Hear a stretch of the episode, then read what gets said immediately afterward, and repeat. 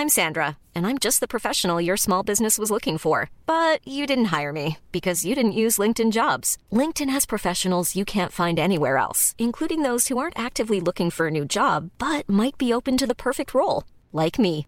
In a given month, over 70% of LinkedIn users don't visit other leading job sites. So if you're not looking on LinkedIn, you'll miss out on great candidates like Sandra. Start hiring professionals like a professional. Post your free job on linkedin.com/people today. Burrow's furniture is built for the way you live. From ensuring easy assembly and disassembly to honoring highly requested new colors for their award-winning seating, they always have their customers in mind. Their modular seating is made out of durable materials to last and grow with you. And with Burrow, you always get fast, free shipping. Get up to 60% off during Burrow's Memorial Day sale at burrow.com slash ACAST. That's burrow.com slash ACAST. burrow.com slash ACAST. Millions of people have lost weight with personalized plans from Noom, like Evan, who can't stand salads and still lost 50 pounds. Salads, generally, for most people, are the easy button, right? For me, that wasn't an option. I never really was a salad guy. That's just not who I am. But Noom worked for me. Get your personalized plan today at Noom.com. Real Noom user compensated to provide their story. In four weeks, the typical Noom user can expect to lose one to two pounds per week. Individual results may vary. Dette er en podkast fra Liverpool supporterklubb Norge.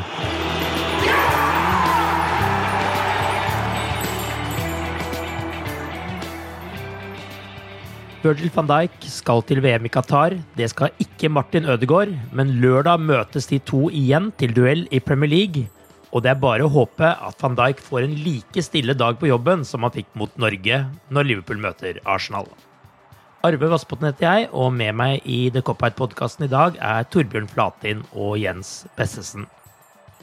Ny landslagspause, nye spillere sendt hjem med skader og usikkerhet rundt både Jordan Henderson, Sadio Mané, Andy Robertson og så i går kveld Divok Origi. Potensielt så er det da ni-ti spillere som er på skadelista til kampen mot Arsenal. Men eh, Jens, det er vel noen tegn her som tyder på at det kanskje ikke er så ille som man først fryktet, eller? Ja, den, li den lista begynner å se lang og skummel ut over skada spillere, men eh, det tror det er ikke så galt som, eh, som det kunne vært. I hvert fall det kom noen positive nyheter i går. Eh, og det var jo at Mané var i full trening. Eh, Henderson var ute og trente for seg sjøl, og det samme var uh, James Milner. Så det er håp om at de skal rekke kampen. Uh, så de vi vet at ikke rekker kampen, det er jo Elliot og Jones og Firmino. Mens uh, det er litt usikkert rundt Robertson, Keita, Gomez, Origi. Det virker som det skal bli mulig å stille et, et godt lag mot Arsenal, selv om den lista ser stygg ut akkurat nå. Ja, Det er enda godt, det. For jeg har jo følt det har kommet nye ting hver gang eh, det har blitt spilt landskamper akkurat nå. Eh, Torbjørn, eh, hva er det med landslagspauser og Liverpool? Og, for det virker jo som det alltid skal komme noen skader som vi blir plaga. Er det liksom bare følelser vi har, eller er, går det ekstra hardt utover våre spillere? Nei, Det er definitivt en følelse du har. Eh, Jeg veit ikke om jeg har noe tall å, å, å dra fram, men altså det, du sitter med hjertet i halsen. Og, og nå håpa jeg jo egentlig at det skulle bli en periode hvor vi kunne fått uh, ha uh, noen på, på, treningsfeltet hjemme og som kunne bli klare, og at vi liksom skulle stå bedre rusta etter oppholdet. Men isteden så, så skjer jo noe nesten hver dag. Uh, jeg satte meg jo ned, ned i natt. Jeg har jo begynt å se på Argentina-Brasil, og det gikk en halvtime, og så får uh, Alison en støvel i trynet. Si. Nå, nå, gikk det bra, altså. Det gikk bra. Han fikk bare, ja, bare rød nese. Men, uh, men uh, ikke sant, du blir litt sånn paranoid.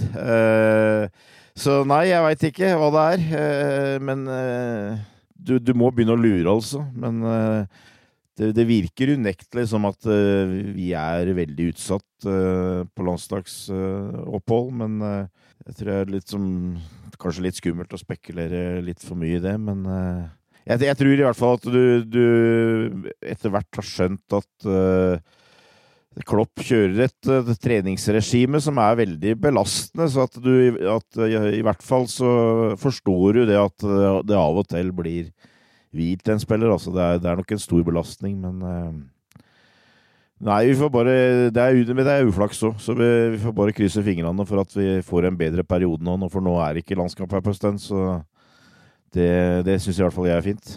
Eh, men nå har vi jo fått summet oss litt etter to middelbådige resultater mot Brighton og Westham, og mellom det et mer fantastisk resultat mot Atletico Madrid. Men det er jo ikke til å stikke under en stol at Liverpool har hatt noen problemer de siste kampene.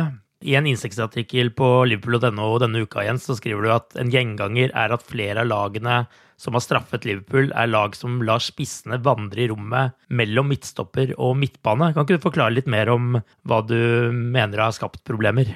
Uh, jo, det har vært uh, Egentlig i veldig mange kamper denne sesongen så har uh, det vært sånn litt tilbake til sånn vi så for kanskje fire år siden, at det er mye nesten Hawaii-fotball og stor, mye sjanser til begge lag.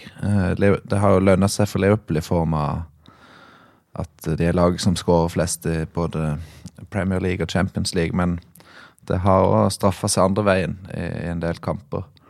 Uh, og det kan virke som at det er en, ny taktikk fra Klopp. Og at han kjører midtbanen midtbanespillerne litt lenger oppe i banen, og det etterlater veldig store rom. Det som er litt skummelt, er at de har gitt fra seg ledelsen i en del kamper. F.eks. mot eh, AC Milan, Brentford, Manchester City og, og, Brighton. Det er noen av eksemplene.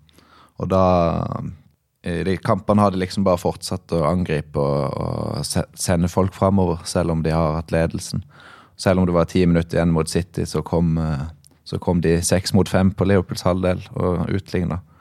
Så man kan jo forstå at uh, at de gjør det i kamper som mot Westham, hvor de liksom jager et, eh, et ledermål. Men uh, litt skumlere er det at, at, det skjer også når de har ledelsen. Så det virker som Klopp har litt å finne ut av. Og ja, det virker som det er uansett hvem som spiller òg. Så det er ikke sånn at det er noen som har skylda, eller at Fabinho kan redde alt når han er på banen, eller at Veinaldum hadde ordna opp om de ikke hadde mista han. Så jeg tror det er litt sånn Det er et uh, taktisk problem, kan det virke som. Men Er dette et tegn på at uh, andre lag har funnet litt ut av dette, her da, hvis de lar spissene vandre i rommet mellom midtstoppere og midtbane, som du skriver? Ja, det kan jo være at noen har funnet en oppskrift. Det var i hvert fall Brighton gjorde det veldig bra med han Trossard. Og så virka det som Moyes hadde lært av det når han satt fornalt Fornals inn i det rommet. Det er kanskje en slags oppskrift som har blitt lagd, som eh, Klopp må finne ut av. Hva er det som skjer når disse spissene er i dette rommet? Er det at eh, det er et problem for midtstopperen og midtbanen å vite hvem som skal ta han ut, eller hva, hva, er det som skjer i praksis? Ja, det virker som Fabinho har litt for store rom å dekke, så han er litt i tvil om hvem han skal, hvem han skal dekke opp. Og så har eh, eller mot Brighton så var Jones og Henderson veldig høyt i banen, så det var veldig store rom for han tross Trossard å jobbe i. Og det var veldig lett å spille seg forbi de fem, de fem uh, fremste Liverpool-spillerne på banen. Mm. Så det blir et sånn problem som forplanter seg. Så må midtstopperen uh, bryte ut av forsvarsrekka, så blir det rom bak han. Så ja, det er vel en uh, kombinasjon av mange ting. Når du har sett de siste kampene, Torbjørn, hva er det du har lagt spesielt merke til i forhold til de problemene Liverpool tross alt har hatt? Ja, Det er jo veldig interessant å høre på det Jens uh, sier, da. For jeg, jeg, du sitter jo med sånn kjenning av at uh, Liverpool uh, sesongen her har ligna kanskje litt mer på det den heavy metal-fotballen som Klopp kom med. vi har jo skapt veldig mye sjanser og skåret veldig mye mål. og Eh, det gjorde vi for så vidt ganske tidlig eh, med Klopp på, og så var det nok eh, kanskje en situasjon hvor det var noen dag som fant litt ut av det, og, og jeg husker jo at det ble sagt annet når Tiago ble henta, at det var viktig å, å finne på, på, nye ting, på, på, å utvikle seg, og, og, og jeg sitter jo liksom med å jeg har, ikke, jeg har ikke analysert det på den måten, men altså, du, du har en oppfatning av, syns jeg, at det er eh, ustabil midtbane som er mye av problemet. Altså balansen på midtbanen, der spillere er ute. Tiago har nesten ikke spilt, og er en sånn type som du forventer skal kontrollere litt av tempoet i kampen. Fabinho har heller ikke spilt veldig mye. Han har, tror han har spilt omtrent halvparten av ligakampene fra start. Og, og, Keita var vel òg egentlig ment som en sånn type som kunne drive også styre tempoet i kampene, og det, det, er noe Liverpool ikke har gjort. Eh, fordi det har vært blitt litt sånn Hawaii. altså Vi har eh, vært gode framover, skapt mye sjanser, men eh, vi har også tillatt mange sjanser andre veien. og og det er klart, uh, slipper inn to-tre mål, så er det ofte midtstoppere sånn som får skylda. Men altså, inntrykket har vel likevel vært at de har hatt uh, litt dårlige arbeidsforhold. Så det er nok noe som blir eh, prata mye om i Kirby. At, uh, at, vi må få litt orden på midtbanen. Og det er det jeg håpa kanskje nå kunne uh, bli litt bedre framover, da, med at vi fikk folk klare igjen. Altså jeg må innrømme at jeg, Tiago er en spiller jeg har store forhåpninger til, og som jeg tror blir veldig viktig å få inn. Og han er heldigvis skadefri, ut fra det vi har sett på bildet fra treningsfeltet. og Fabinho er en viktig spiller, og uh, Henderson er selvfølgelig uh, også en viktig spiller, men altså, jeg syns det har blitt uh, for mye på Jordan en periode. Altså, og det gir seg utslag at han, blir litt mer ujevn. Så, så, i det hele tatt så, så, er det noe med den stabiliteten som jeg syns har blitt borte. Det har blitt litt for tilfeldig, og det har gjort at vi har hatt et veldig høyt høyeste nivå, men vi har også vært uh, ustabil og kasta bort uh, litt, litt, mange poeng i ligaen. Det er jo en forskjell fra, fra, de to sesongene hvor det ble 97 og 99 poeng. at da hvis de hadde ledelsen da de siste ti minuttene, så var det liksom Det var aldri tvil om at de kom til å holde det inn. Det var, mm. Så det har liksom skjedd noe i Om det er med mentaliteten eller, eller hva det er. Men det er ikke like trygt som det var. Men denne ustabiliteten, eh, handler det også om slitasje, eh, som det jo blir når det blir stadige utskiftninger på midtbanen, f.eks., med så mye skader som det har vært? Eh, eller finnes det andre forklaringer på den ustabiliteten, annet det du nevner nå med at man liksom går i angrep uansett, nærmest, og ikke sikrer på samme måte som man kanskje har gjort i litt mer kyniske sesonger? Jeg tror definitivt hvis man hadde hatt den det foretrukne midtbanen med Henderson, Fabinho og Tiago, som vi aldri får lov til å se. Det, så hadde det sannsynligvis vært litt mer uh, stabilitet på midtbanen. Tiago er jo en sånn type spiller som, uh, som er uh, klok nok til å vite når han skal roe ned og, og holde litt ballen i laget. Mens selvfølgelig Jones er jo urutinert og litt mer offensiv i hodet. Og, og det er vel egentlig de fleste andre alternativene på midtbanen, bortsett fra Milner. Så det er selvfølgelig når du må bytte hver kamp, så får man jo ikke satt et lag, så det er nok en kombinasjon der òg. Men uh, det virker som det er bevisst da, at, uh, de har, at de har satsa på en ny tilnærming denne sesongen. Mm. For vi så jo i slutten av forrige sesong, med, da var Phillips og Williams midtstopperpar, og de slapp jo nesten ikke inn mål. Så da spilte de jo mye mer forsiktig, og det kan virke som at de liksom har Å ja, nå har vi fått van Dijk, Matip, uh, uh, Gomez tilbake. At ok, da kan vi satse alt offensivt, for de stopper uh, motstanderen uansett. Men uh, det mm. kan kanskje ha blitt litt for mye i den retninga. Mm. Hva tenker du om Torbjørn? Har man stort litt for mye på at van Dijk er tilbake i 100% form, sånn som han var før skaden her? Kanskje. Uh det er i hvert fall ikke noe Altså Liverpool har jo vært gode over flere sesonger, men det er liksom litt sånn som uh, vi har vært inne på, at uh, i hvert fall uh, de første sesongene med Klopp så var vi veldig gode framover, men var litt sårbare bakover. Og så, vi, så fikk vi selvfølgelig noen veldig viktige spillere her i i van Dijk, Alison, eh, Fabinho, eh, som bidro til at det blei mer solid og blei bedre bak. Men så har det faktisk vært sånn de siste på sesongen at vi heller har eh, eh skåra mindre mål.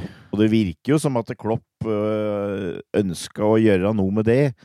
At vi skulle bli, bli eh, enda mer målfarlige igjen og skåre flere mål, og det har for så vidt fungert. Men så har vi på en måte fått uh, i an andre enden at det, vi har blitt uh, sårbare bakover. Jeg, jeg, tror det ligger veldig mye på det at vi har ikke hatt mulighet til å ha den stabiliteten eh, som er så viktig.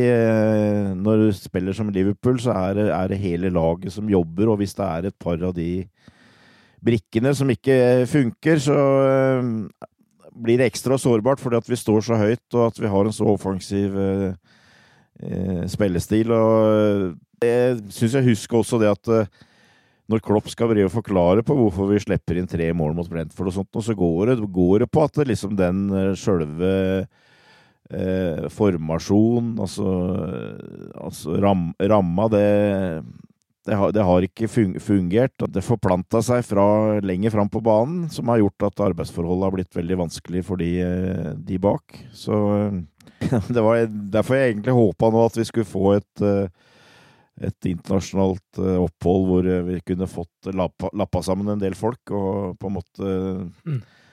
Forhåpentlig fått en, fått en mer stabil, spesielt midtbane. Jeg, jeg, jeg, tror nøkkelen ligger mye der, altså, men det er litt sånn som denne sesongen på en måte virker. At vi er gode hvis vi kan stille med det beste laget. Vi er, vi er gode hvis vi har, har høyeste nivå inne. Men så virker det kanskje litt skjørt med at vi, vi har litt få hva skal du si, etablerte spillere her å sette inn hvis problemene kommer. Mm. Ja, og så er det jo totalt sett så er det jo ikke akkurat sånn veldig mye å klage på, det må vi jo huske. Det er jo, eh, så det ligger jo bare tre poeng bak i tabelltopp og videre i Champions League. Så hvis, eh, med tanke på at det er litt ting å rette på, så ligger vi jo godt an. At vi er så nærme, selv uten å ha vært liksom på det aller beste.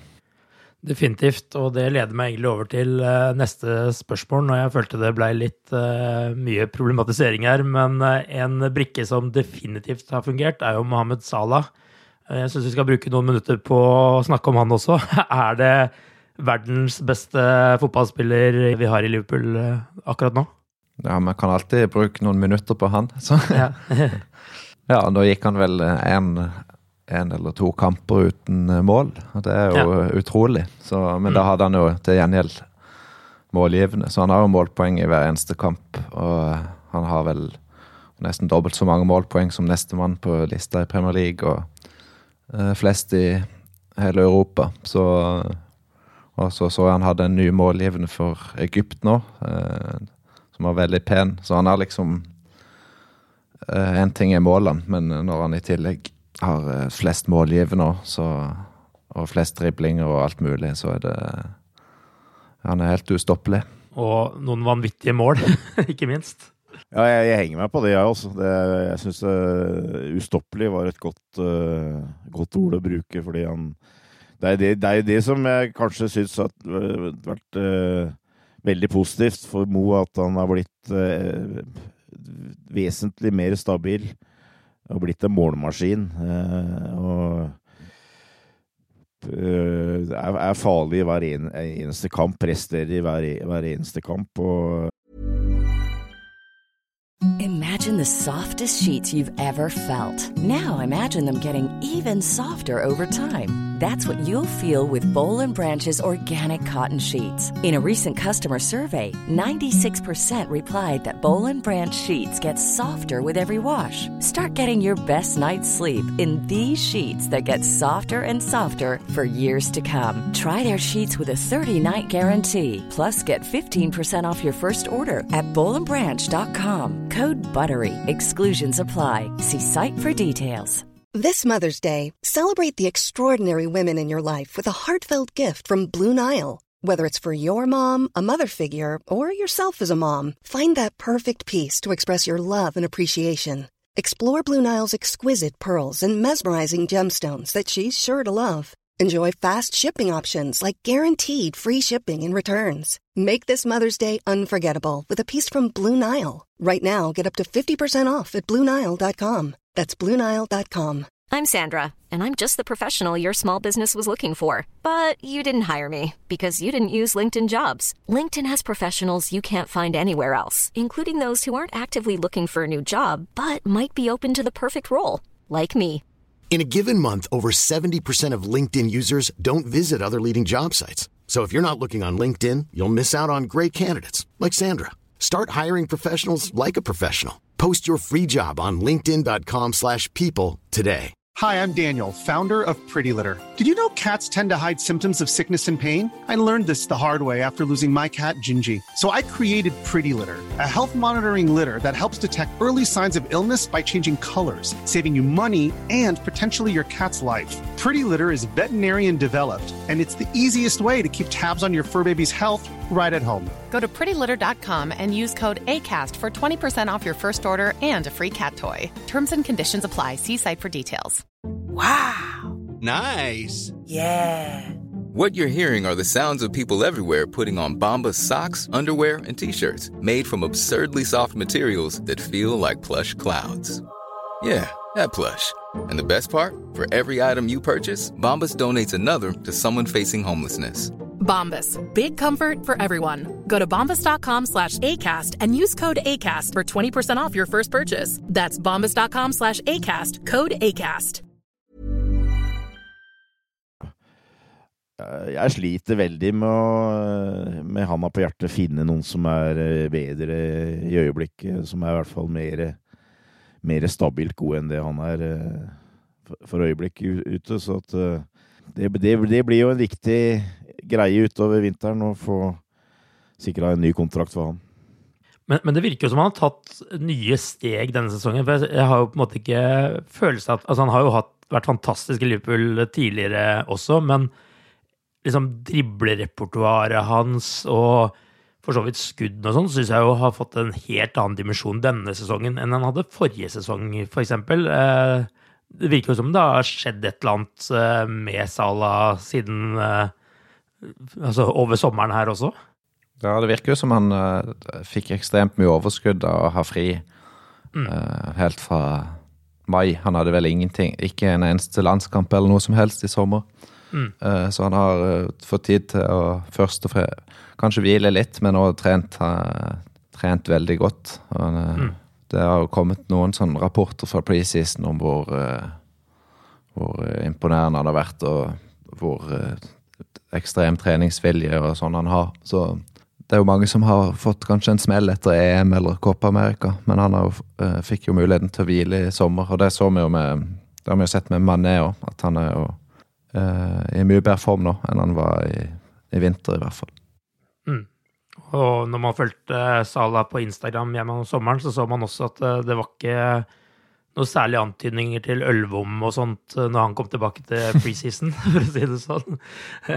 Hva, hva syns du, eh, Torbjørn, om Salah nå kontra si forrige sesong og sesongen før? Hva, hva syns du han er bedre på denne sesongen? Jeg sitter vel med en feeling igjen at uh, jeg, syns han er blitt mer moden som fotballspiller. Altså. Kanskje, kanskje til og med som menneske. Altså at uh, jeg syns han er klart, før så, før så var det en veldig god spiller med, med ekstrem fart og skapte sjanser og Men det var litt eh, kanskje mer sånn der eh, huet litt mer ned i bakken og, eh, og rett fram. Og, altså, så utvikla han så for så vidt repertoaret med at han liksom begynte å skyte med det gode venstrebeinet sitt fra hjørnet av 16-meteren osv. og så og sånt noe. Men jeg, sy syns han har eh, blitt en eh, en mye mer eh, allsidig spiller. Så, mye mer, egentlig mye mer lagspiller også. Sjøl om han fortsatt Mm. er sulten på å score, så, så syns jeg han ser opp og, og i hvert fall vurderer av og til å, å, å spille ballen nå i, i enkelte situasjoner. Så eh, jeg, jeg, jeg tror det er en kombinasjon av at han har blitt eh, mer voksen og moden som fotballspiller, og selvfølgelig fått enormt med sjøltillit eh, ut fra det han har prestert. Og han har på en måte blitt liksom eh, the main man nå, føler jeg, i, i Liverpools eh, angrep. Og når han da i tillegg ikke viser noe tegn på at han uh, har med mindre sult eller, og fortsatt ønsker å, å gå videre, så, så, blir det bra. Definitivt.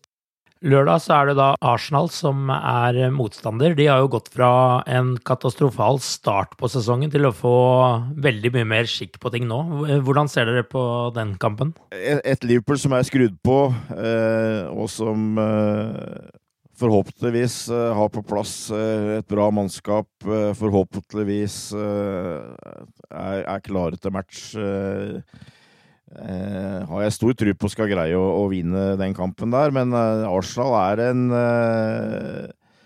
en motstander som har potensielt til å skåre mål. Det er viktig å, og igjen det som vi var inne på, kontrollere kampen og ikke gi dem for mye rom og, og sånt noe. Men eh, på en måte så syns jeg kanskje Arsenal eh, ligner litt på Liverpool, med at de har styrken framover. og Eh, altså Da tenker jeg liksom i det generelle spillet. De, de, skaper sjanser, men eh, de har i hvert fall vært eh, litt sårbar bakover. Men jeg tror det er det som har bidratt til at de har hatt en mye bedre periode nå. At de har fått litt orden. De har bytta ut keeper, eh, Ramsdale i mål, og, og, har et stabilt midtstopperpar i, eh, i White og Gabriel. Så eh, det er nok mye av årsaken til at de har har gjort det bedre. I tillegg så hadde de et knallhardt program i starten av sesongen, hvor de hadde både City og Chelsea, tror jeg, helt i starten der. Så nei, det er, det er et sånt lag som uh, har potensial å skade, til å skade deg, men jeg, jeg, jeg jeg tror, jeg tror, det er et lag som passer Liverpool bra. Altså. Jeg tror det. Jeg tror vi liker å spille mot litt sånne lag, for det, det, det ligger liksom ikke i Arsenals eh, DNA, tror jeg, å, å sitte bakpå og, og og skape trøbbel. ikke sant? De må, de må spille sitt spill. Ja, de har jo eh, De har ikke tapt siden august, siden 5-0 mot City. Så det er åpenbart at de har fått skikk på noe. Altså, nesten ikke slippa inn mål heller. Så åpenbart at uh, Ateta har fått satt et lag. Men uh, de har ikke møtt noen særlig uh, topplag heller i den perioden. De, har, de slo Tottenham, men det, vi har sett hvordan Tottenham har sett ut, så det er ikke sånn de har ikke fått en skikkelig stor test siden den City-kampen. Samtidig så tror jeg det var Det er nesten ingen av de som spilte den. De tapte jo 5-0 der, men det er nesten ingen av de som spilte den, som er i førsteelveren nå. Så det er på en måte Det laget var ikke helt satt da sesongen starta.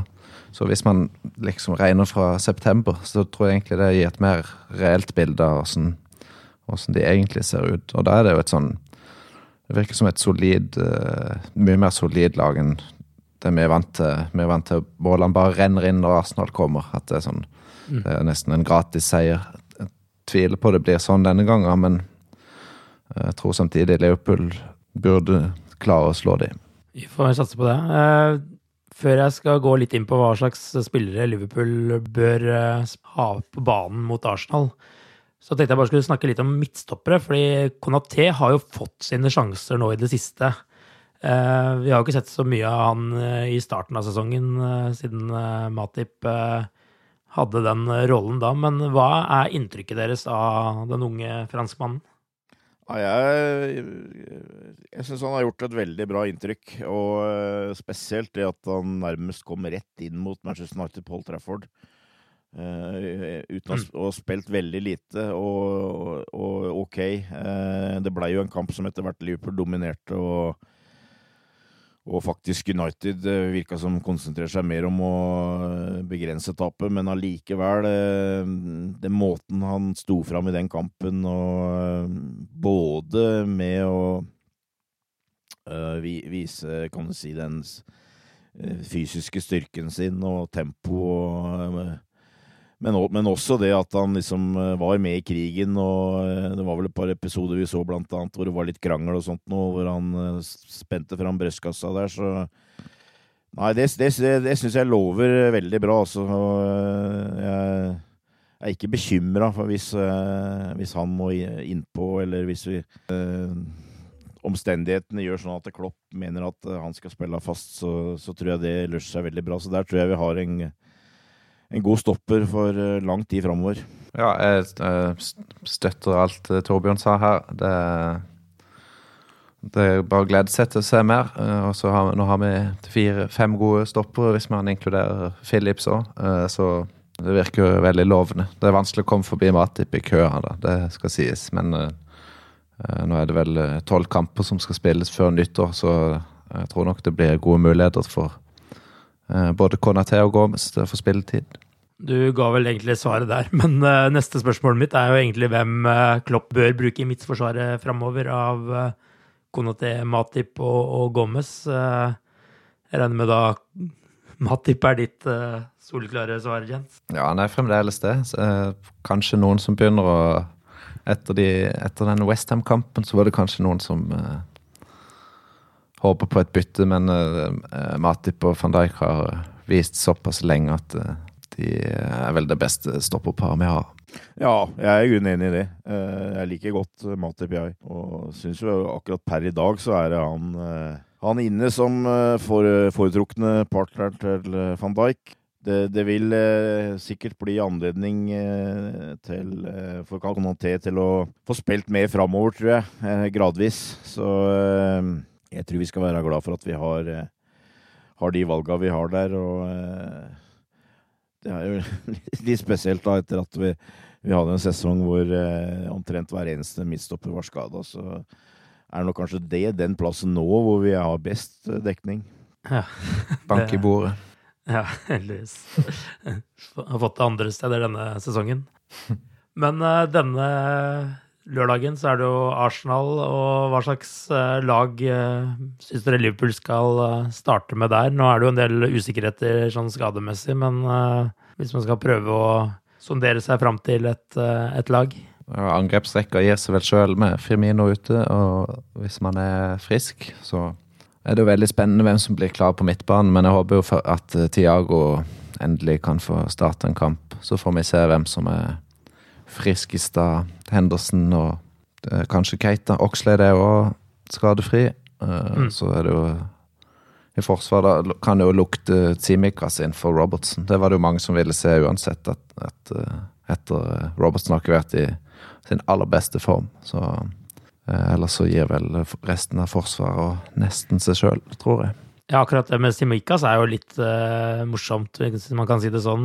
man føler jo ikke at man taper så veldig mye på å sette han inn, selv om Robertsen åpenbart har mer erfaring og er en av verdens beste venstrebacker, så har jo Semikas virkelig levert når han har fått sjansen denne sesongen, syns jeg i hvert fall.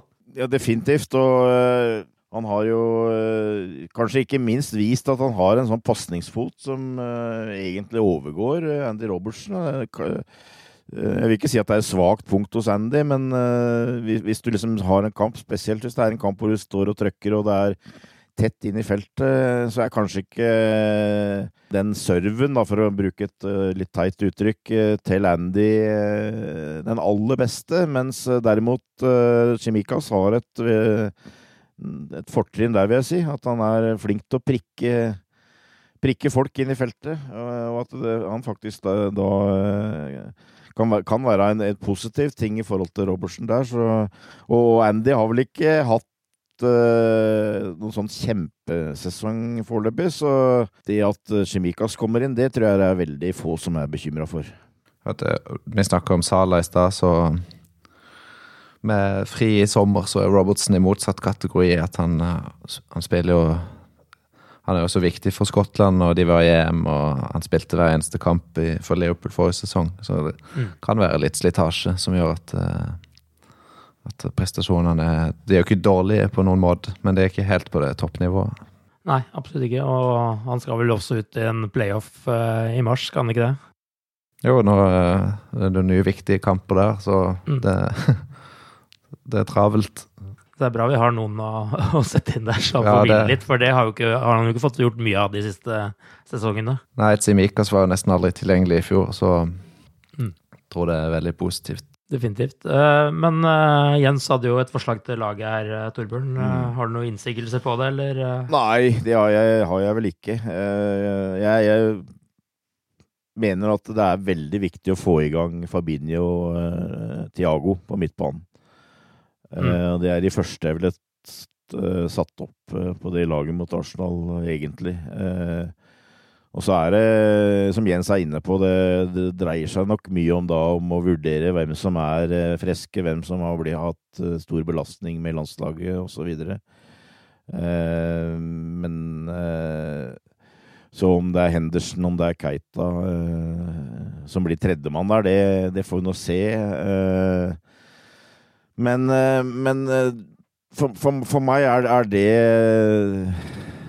det første jeg ville sett på. Og, og fått Fabinho og Tiago i, i gang eh, på midtbanen. Og ellers er jeg vel egentlig helt enig med det Jens eh, sa. Jeg syns, eh, jeg syns mye av det andre eh, gir seg sjøl. Altså det, det, er, det er, snakk, er, snakk, om også å stille med toppa lag, rett og slett.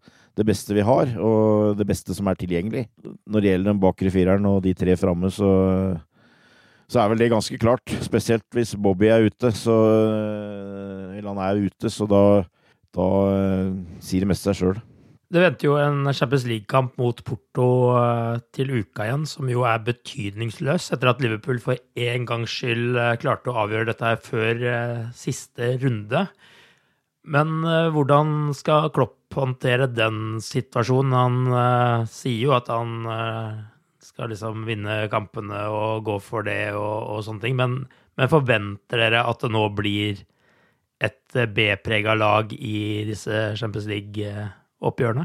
Det er jo flere, flere, faktorer som gjør at uh, sannsynligvis ikke blir uh, sånn I hvert fall ikke et markant uh, B-lag, sånn som vi ser i Liacupen. For, uh, for det første så er det jo noen millioner pund å hente hvis man får hver seier man tar i Champions League. Mm. Så det er jo noen uker med lønn til Sala, f.eks. Eh, og så eh, I tillegg så er det jo litt om respekt for de andre lagene i gruppa. Og hvis, hvis vi sender ut B-lag mot Porto, så er det jo som å sende Atletico ut av turneringa omtrent. Så det er litt eh, sånne ting man må tenke på. Men eh, jeg håper jo det blir en anledning til å hvile f.eks. Eh, ja, i hvert fall noen av de viktigste spillerne. At Gi en sjanse til Origi og Minamino, kanskje. Og sånne spillere. Konaté, som vi nevnte.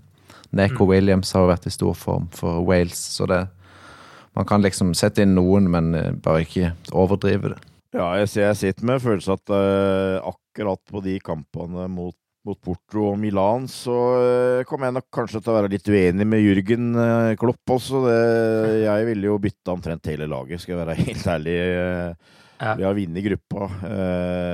Og, men selvfølgelig, det er Champions League, og, og, og det er selvfølgelig mye penger på spill. Jeg, jeg, ser jo den biten der, men som supporter og med tanke på at jeg ønsker veldig gjerne at vi skal kjempe om Lia-gullet her, så så hadde nok jeg bytta mer enn jeg tror Klopp kommer til å gjøre. Men uh, jeg håper også at han uh, lar en i hvert fall to-tre av de aller mest sentrale, som kanskje Sala og Fabinho for eksempel, får ei pause. og så at vi står, står best mulig rusta til Leokampen. For nå har vi, har vi, en egentlig unik sjanse til å, å holde laget i gang en stund. Altså Det blir kanskje litt mye, mye negativt, men altså eh, det er klart vi har hatt, vi har hatt en uh, fin uh, sesongstart, e, egentlig. Vi er med overalt. Men i ligaen så har vi tatt to poeng per kamp. Og det gjør at vi henger med eh, i toppen, definitivt. Men eh, hvis vi fortsetter med det, så er det, er det topp fire-form og ikke noe annet. Så, så jeg, tror det er veldig, jeg tror det er veldig viktig å, god, å, få en skikkelig god periode nå fram til eh, januar og det berømte afrikanske mesterskapet.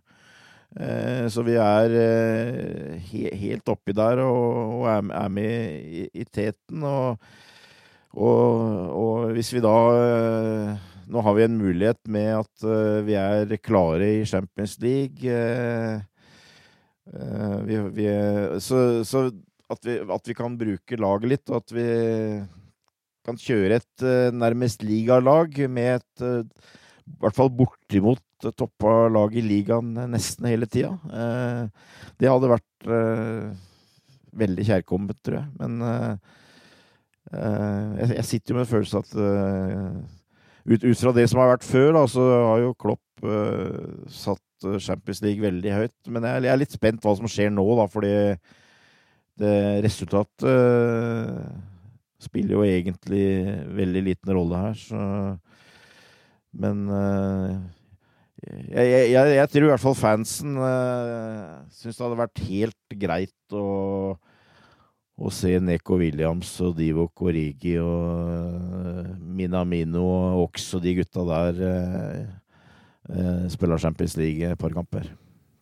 Ja, Spørsmålet er hvor langt man skal dra det, om man skal ta unggutta nå med Gordon og Tyler Morton og sånn. Det er jo litt sånn Blir kanskje litt overdrevent. Men jeg er helt enig i at de, de du nevnte der, burde få spille de kampene.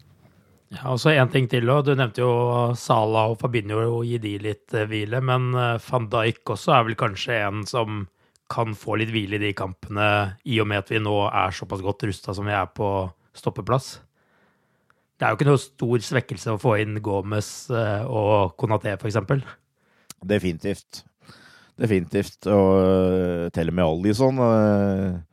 Men, men, men da I hvert fall Du kan si da du, du, du, antar vel at slitasjen på en midtstopper tross alt kanskje er litt mindre, da. Eh, men, eh, men ja, jeg hadde jo eh, helt klart Syns det har vært helt greit. Vi skal over til Premier League, for der har det jo skjedd mye på managersiden siden forrige gang. Tre managere er ansatt. Dean Smith rakk knapt å kaste villaklærne før han ble sjef for en ny Premier League-klubb med Norwich. Men for oss så er jo den mest spennende ansettelsen uten tvil Steven Gerrard som ny manager i Aston Villa. Det er jo liten tvil om at drømmen til Gerrard er å lede Liverpool en dag. Er dette den perfekte veien dit for han? Ja, jeg, jeg, jeg vil si eh, kanskje ja. Uh, ja.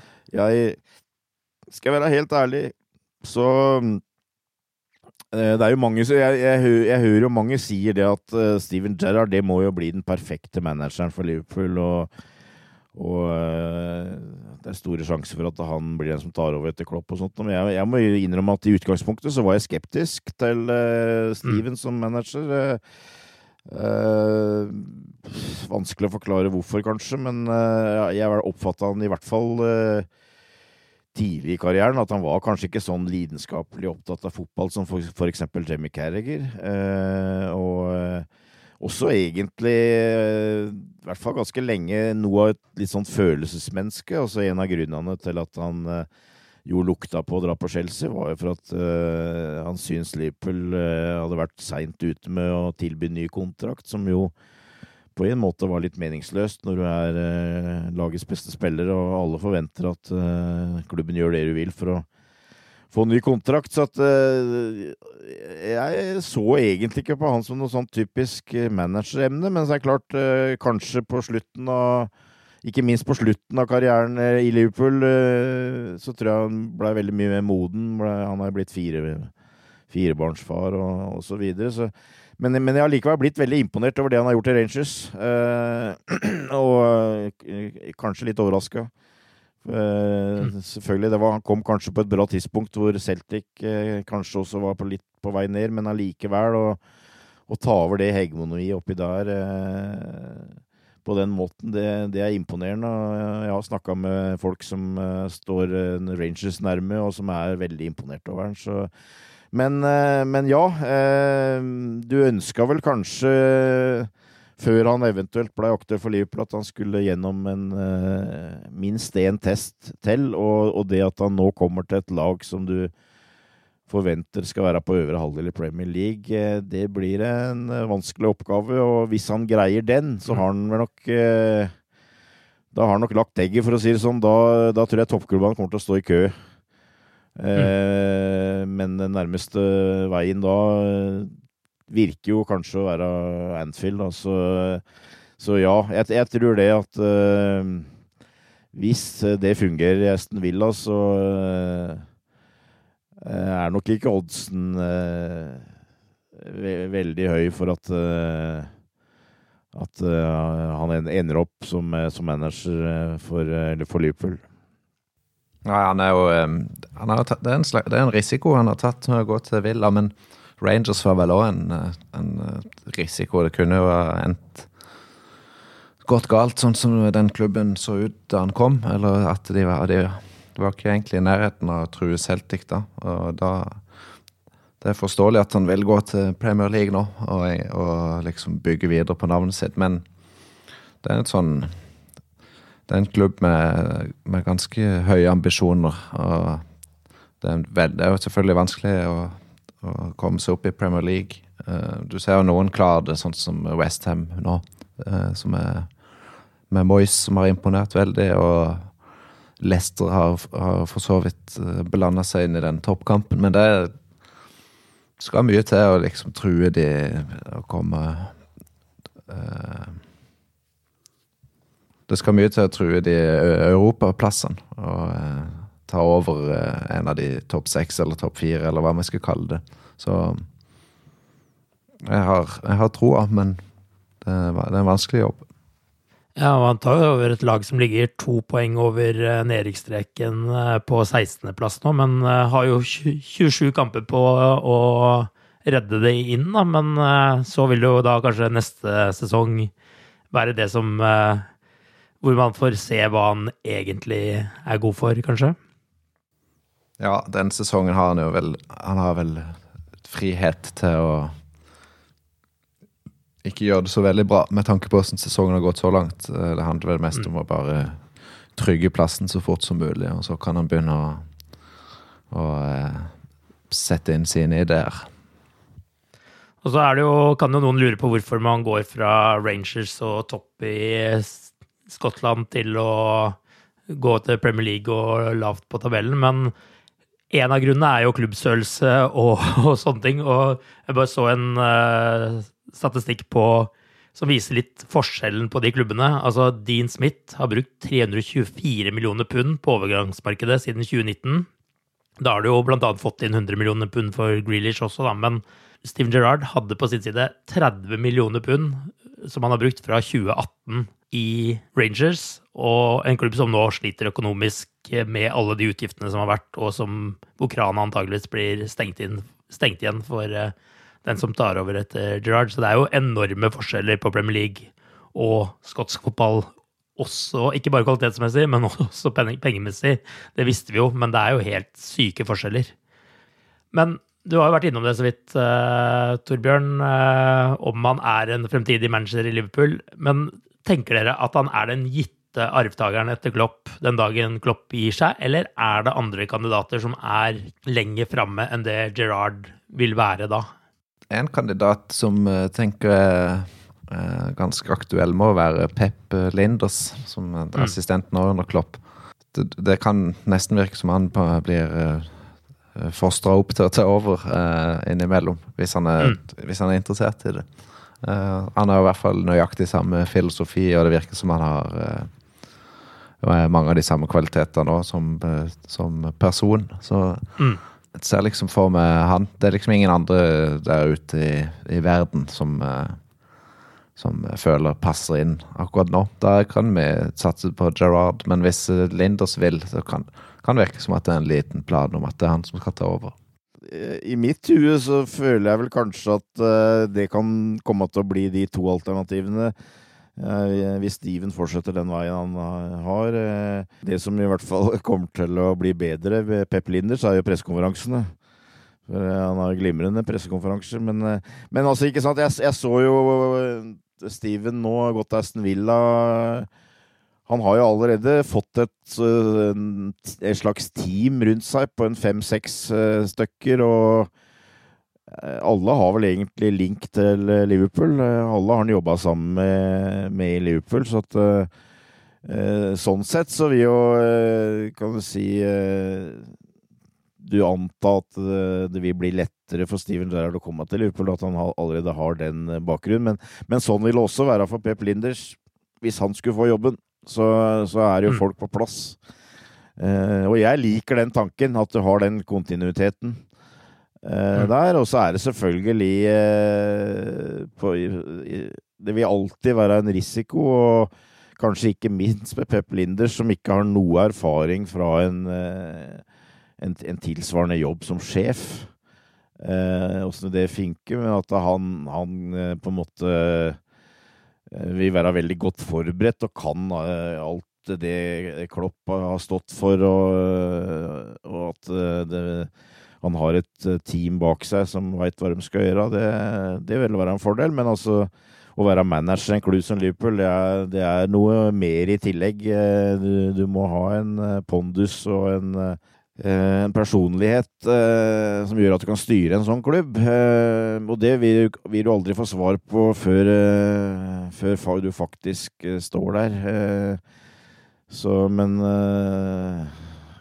jeg støtter det, altså at jeg, jeg, jeg kan se for meg at det er de to mest nærliggende løsningene. Men en dag så vil vi jo se Gerard. Bare litt usikker på om det blir i 2024 eller når det blir. Men eh, du eh, Han må få sjansen en gang, syns jeg.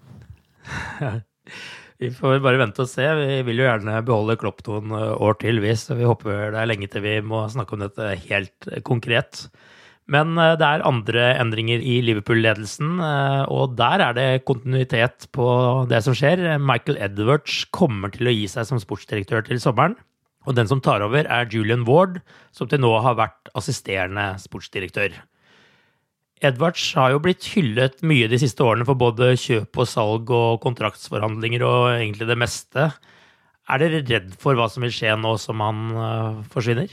jeg, har liksom ikke helt oversikt over hva som egentlig skjedde, men altså det var jo sånn i Liverpool med Brennan Rogers og det berømte, den berømte transferkomiteen at det var jo fullt kaos, virka det som. At det var mm. nærmest to sider som kjempa om eh, nærmest sine egne spillere her. Og det blei eh, kompromisser, og det blei surr, og det blei eh, dårlig med dealer. Vi husker jo Balotelli og, og forskjellige, forskjellige, greier. Eh, og så kommer Klopp inn og plutselig, nærmest med et, eh, liksom et knips, så, så er alt, alt, i orden. Så hva som egentlig skjedde, om det bare var sånn at Michael Edwards fikk en mye mer sentral rolle Tydeligvis så har han i hvert fall og Klopp samarbeida mye bedre. Men i det hele tatt så har de definitivt funnet en mer velfungerende modell enn det som var. Mm. Og Derfor så føler jeg meg nokså trygg på at dette kan fortsatt komme til å gå bra. For jeg tror de har funnet en uh, metode å arbeide på som, som funker veldig bra. Og det, det, er jo nesten sånn at det, det, er veldig sjelden at vi har bomma på transfermarkedet kjøp inn. Og Edwards har jo fått, i hvert fall fått bevist at han er uh, usedvanlig dyktig også til å forhandle. Og vi har jo etter hvert også begynt å få bra, veldig bra betalt for de spillerne som går ut. Men først og fremst det med modellen med å, med å fortsatt få inn bra spillere, den er jeg ikke så redd at de ikke vil beholde. For jeg regner med Klopp eh, har en vesentlig betydning, eh, ikke minst når det gjelder å, å styrke stallen. Da. Så at, eh, det, det, tror jeg kommer til å fortsatt gå bra. Ja, det er jo egentlig litt i samme gate som vi snakker om med Klopp og Linders. At det virker som Ward har bare blitt forberedt på denne jobben lenge. Mm. Så tror ikke det skal bli så veldig stor forskjell. Nei, Det virker jo som det sånn generelt i Liverpool er bygd opp systemer som tåler mer at én og én brikke forsvinner nå enn for noen år siden. Det virker jo som det er, at det er gjort en ganske god jobb rundt klubbstrukturen for å få klubben også opp på toppnivå på andre områder enn på banen? Definitivt. Det er, det er veldig mye som er på, på plass uh, i Liverpool. Og det er klart, Klopp uh, det, jo, det, er jo sånn berømt uh, sitat med, med, gode, gamle Bill Shankly om at I was made for Liverpool, og Liverpool was made for me. Og det, det kan du si om Jürgen Klopp. og jeg, jeg tror Én eh, ting er at Jürgen har fått mye gode resultater, og sånn, men en annen ting er også at han har bygd opp veldig mye i Liverpool, og som gjør at du er trygg på at, at det skal gi frukter også, også seinere. Så eh, det, det, tror jeg både eier og klubb er veldig klar over, at eh, det kan være lurt å ikke bryte opp for mye når det gjelder de steinene som er lagt ned der.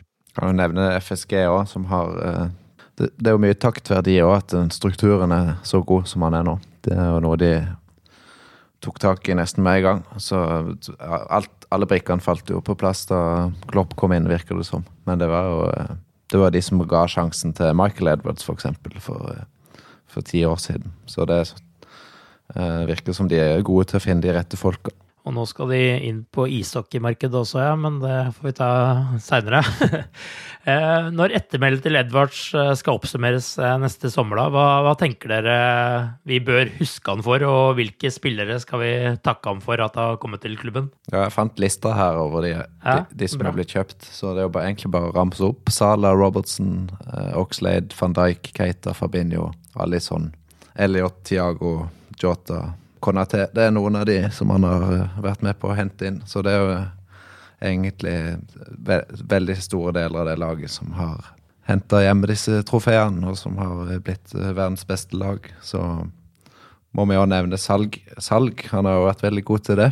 Det beste var jo selvfølgelig Coutinho, som finansierte eh, en del av disse kjøpene. I tillegg til Solanke, som han har klart å få over 20 millioner pund for. og Brewster var det samme. og Andy Ward eh, ble vel også solgt for en eh, ekstremt høy sum. Jordan Ibe. Han er en stor grunn til at eh, Liverpool alltid ligger på omtrent null på den evinnelige nettspend-tabellen. Så får håpe Ward kan, Julian Ward kan følge opp.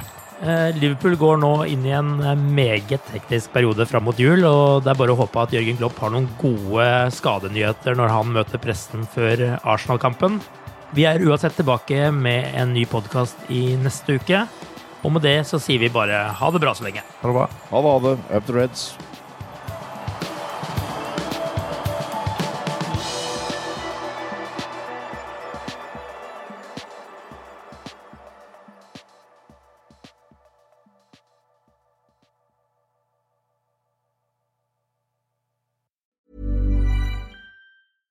Want flexibility? Take yoga. Want flexibility with your health insurance? Check out United Healthcare Insurance Plans. Underwritten by Golden Rule Insurance Company, they offer flexible, budget friendly medical, dental, and vision coverage that may be right for you. More at uh1.com. Hi, I'm Daniel, founder of Pretty Litter. Did you know cats tend to hide symptoms of sickness and pain? I learned this the hard way after losing my cat, Gingy. So I created Pretty Litter, a health monitoring litter that helps detect early signs of illness by changing colors, saving you money and potentially your cat's life. Pretty Litter is veterinarian developed, and it's the easiest way to keep tabs on your fur baby's health right at home. Go to prettylitter.com and use code ACAST for 20% off your first order and a free cat toy. Terms and conditions apply. See site for details.